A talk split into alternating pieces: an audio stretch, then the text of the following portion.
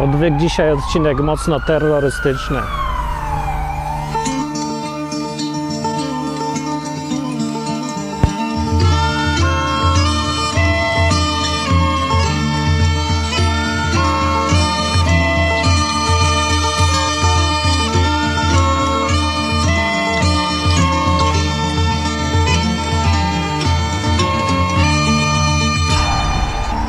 Zawsze chciałem kręcić w tym miejscu, na tle tego budynku, bo szkoda, żeby takie ładne graffiti się zmarnowało, jak potem to zburzą. Propos burzenia, dzisiaj odcinek odwyku na temat trochę bieżący, ale ten temat się przydał, na pewno będzie wracał i jest bardzo praktyczny i jest też związany z Biblią, czyli to o co chodzi w odwyku. Pytanie jest takie, jak chrześcijanin powinien się odnosić, jak powinien się zachowywać, jakie powinien mieć zdanie i co powinien robić w związku z islamskim terroryzmem. No, jest pytanie z grubej rury, od razu machnięte i od razu pierwsza nasuwająca się odpowiedź. Każdy według własnego sumienia. Każdy powinien robić to, co mu dyktuje sumienie, e, bo każdy to widzi inaczej i każdy ma prawo to widzieć inaczej. No i ja na to, na to odpowiedź powiem, że absolutnie nie. No właśnie, nie. No w wielu przypadkach taka odpowiedź jest rzeczywiście słuszna i prawdziwa i nawet się ją da uzasadnić Biblią, bo tam też jest powiedziane, że żeby sumieniem się kierować w różnych spornych sprawach. Ale to nie jest sporna sprawa. No akurat ze wszystkich spraw ta jedna powinna być, no, no wiele innych, ale ta akurat powinna być oczywista. Dobra, nie jest oczywista, bo nikt nie zna Biblii w tym chrześcijańskim kraju, ale bardziej chodzi o to, że Sumieniem kierujemy się wtedy, kiedy coś jest niejasne, niejednoznaczne, mm, zależne od sytuacji osobistej, kiedy nie da się uniwersalnych zasad jakichś przytoczyć tu i przywołać. Ale to nie jest ten przypadek. Dlaczego? No, bo to, co jest napisane w Biblii, to, co Jezus kazał robić, to jest dosyć jednoznaczne. Z tych rzeczy, co kazał, to one są jednoznaczne. Czasem są do interpretacji. Rzeczy na przykład, no, jak powiedział bogatemu młodzieńcowi, że powinien sprzedać wszystko i idź za mną i pozbądź się bogactwa, to wtedy dopiero będziesz moim naśladowcą. No i to pytanie teraz, czy każdego to dotyczy, czy nie. No nie, no bo jemu to powiedział, nie wszystkim to powiedział. On był w takiej sytuacji, wiadomo więcej dlaczego, to był dla niego problem. Da się to zrozumieć. No, to to jest jedna z takich spraw. Ale nie kwestia tego, jak traktować ludzi innej kultury, cywilizacji i religii. Bo to jest chyba powinno być jasne dla chrześcijanina. No całe chrześcijaństwo sprowadza się do naśladowania Jezusa przecież. Zapominamy o tym, co w ogóle w tym najważniejsze chyba. E, ważniejsze jest, dlaczego zapominamy. Najważniejsze jest to, że będąc, stając się chrześcijaninem, bo nikt się chrześcijaninem nie rodzi, tylko się staje na podstawie własnej deklaracji i konsekwentnego stosowania się do tej deklaracji. Więc jeżeli ktoś się stosuje do deklaracji, że będzie naśladowcą Jezusa, to wie, że ma za to kupę obietnic, z której najważniejsze są to, że będzie miał życie wieczne i że będzie miał załatwioną sprawę z Bogiem. No, kwestie grzechu, zapłaty za to, co złego robimy, to jest załatwione na mocy tej umowy. Ale z drugiej strony, jakie są wymagania od nas? No wymaganie jest podstawowe takie, mamy być uczniami Jezusa, robić to, co nam kazał. No a co On nam kazał? No kochać ludzi tak, jak On ich kochał. Jezusa zabili terroryści na krzyżu. No, może nie byli dokładnie terroryści, na pewno nie tacy sami, nie islamscy i tak dalej. Ale był niewinnym człowiekiem, którego zabili niesłusznie. Jako taki akt nawet gorzej niż terroryzmu. To jeszcze była parodia sprawiedliwości. To był sąd. Dwie cywilizacje y, zupełnie walczące ze sobą zgodziły się na to, żeby niewinnego człowieka zabić. Więc jeszcze gorzej. I uczniowie Jezusa pierwsi byli na to wszystko gotowi. Oni też byli prześladowani, były na nich masowe czystki, były egzekucje, była też parodia sprawiedliwości, e, była taka dominacja, chęć władzy, nadużywanie tej władzy. No wszystko było. No. I co? I czy oni protestowali, czy oni bronili domów, tak jak teraz chrześcijanie masowo jakoś krzyczą, żeby robić? No nie, no chyba, no nie chyba, na pewno tego nie robili. I Jezus czy by tak robił? Czy Jezus broniłby swojego domu, żony, własności, samochodów, majątku, czy by nie bronił? No nie broniłby. No nie broniłby, bo nie bronił, a jego uczniowie też nie bronili.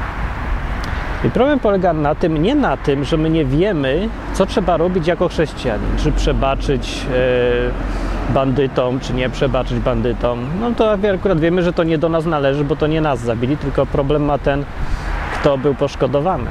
Ale pytanie, czy trzeba się bronić przed terroryzmem za pomocą siły, czy nie. Czy nie wpuszczać tutaj ludzi do tak zwanego naszego kraju, a tak naprawdę to nie jest żaden nasz, bo nie jesteśmy właścicielami tej ziemi.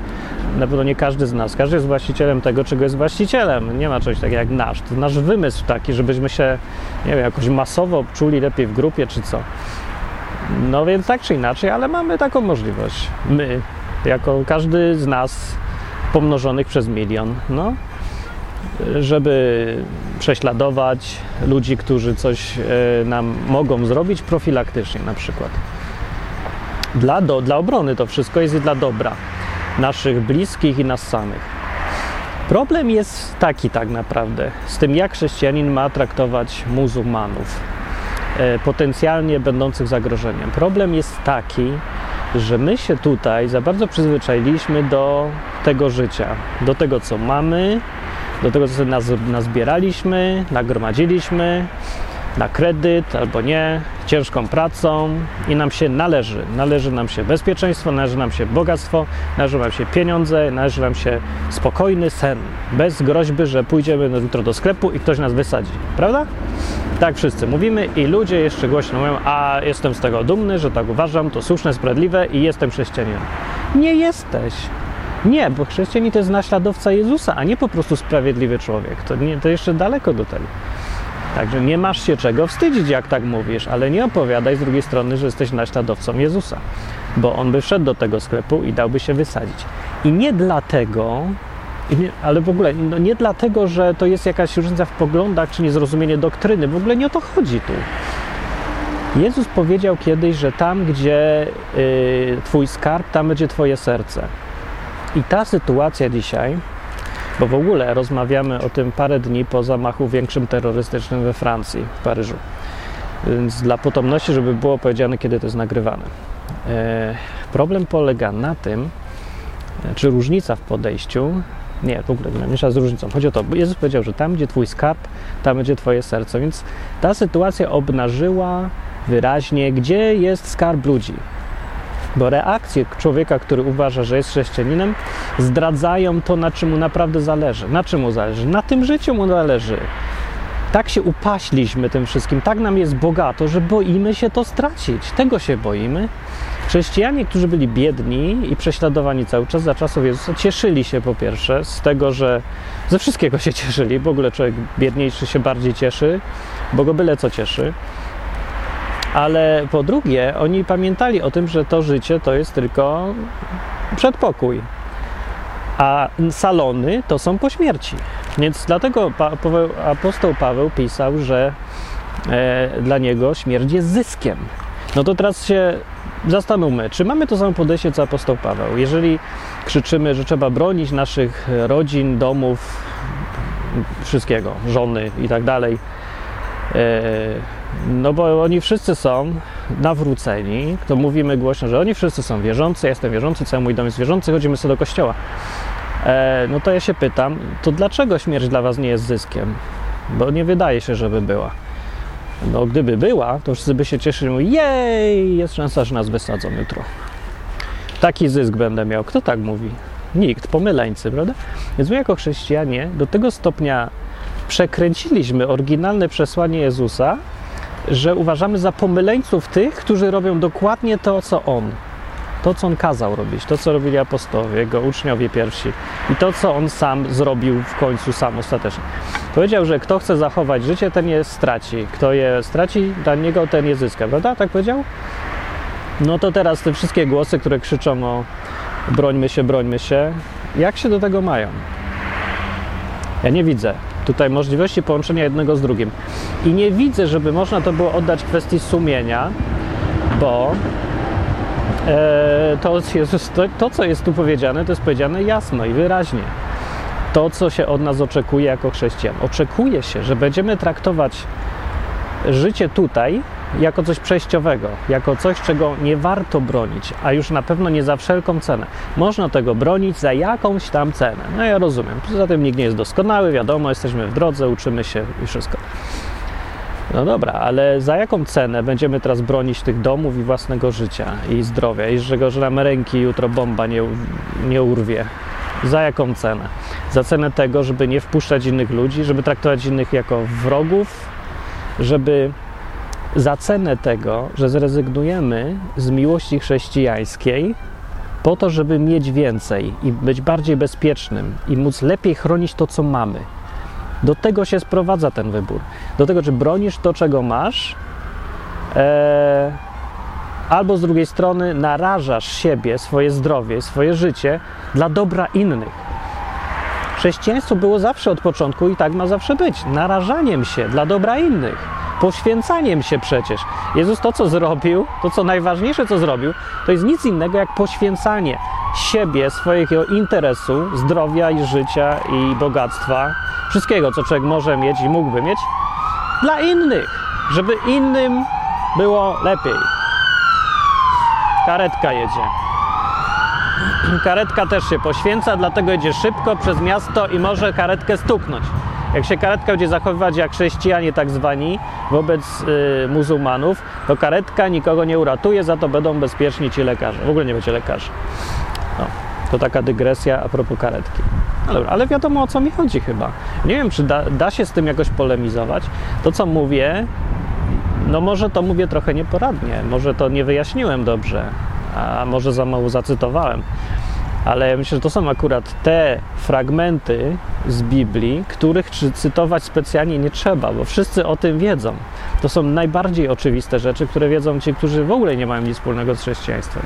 Że Jezus był kimś, kto się poświęcał, że chrześcijanie bardziej cenili e, przykazania Jezusa od własnego życia, nie? że większość apostołów pierwszych, prawie wszyscy zostali zabici. No, I zamiast się troszczyć o swoje rzeczy, żeby być bogatszym, żeby było bezpieczniej, czyściej, żebyśmy byli zdrowsi, mieli granice zamknięte i nikt nam, nas nie straszył na ulicy, to zamiast tego oni się zajmowali ważniejszymi rzeczami. Zadaj sobie pytanie przy okazji y, strachu masowego przed terroryzmem teraz i debaty głośnej wszędzie na temat tego, co zrobić z zagrożeniem muzułmanami czy odizolować od muzułmanów, czy powyrzucać ich, czy nie wiem, atakować ich prewencyjnie, czy co w ogóle z nimi zrobić.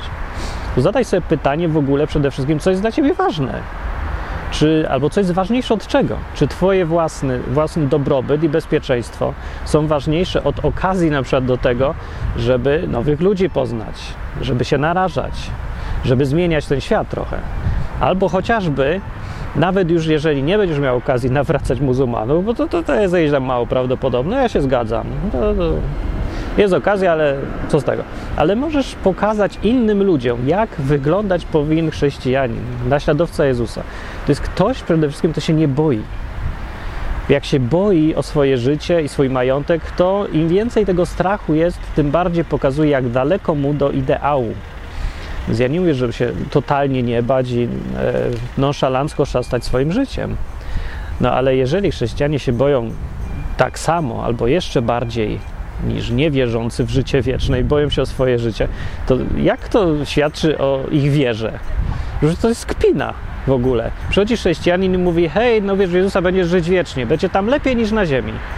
A potem przychodzi zagrożenie i taki człowiek panikuje jeszcze bardziej niż ten, komu mówił, jak będzie super po śmierci.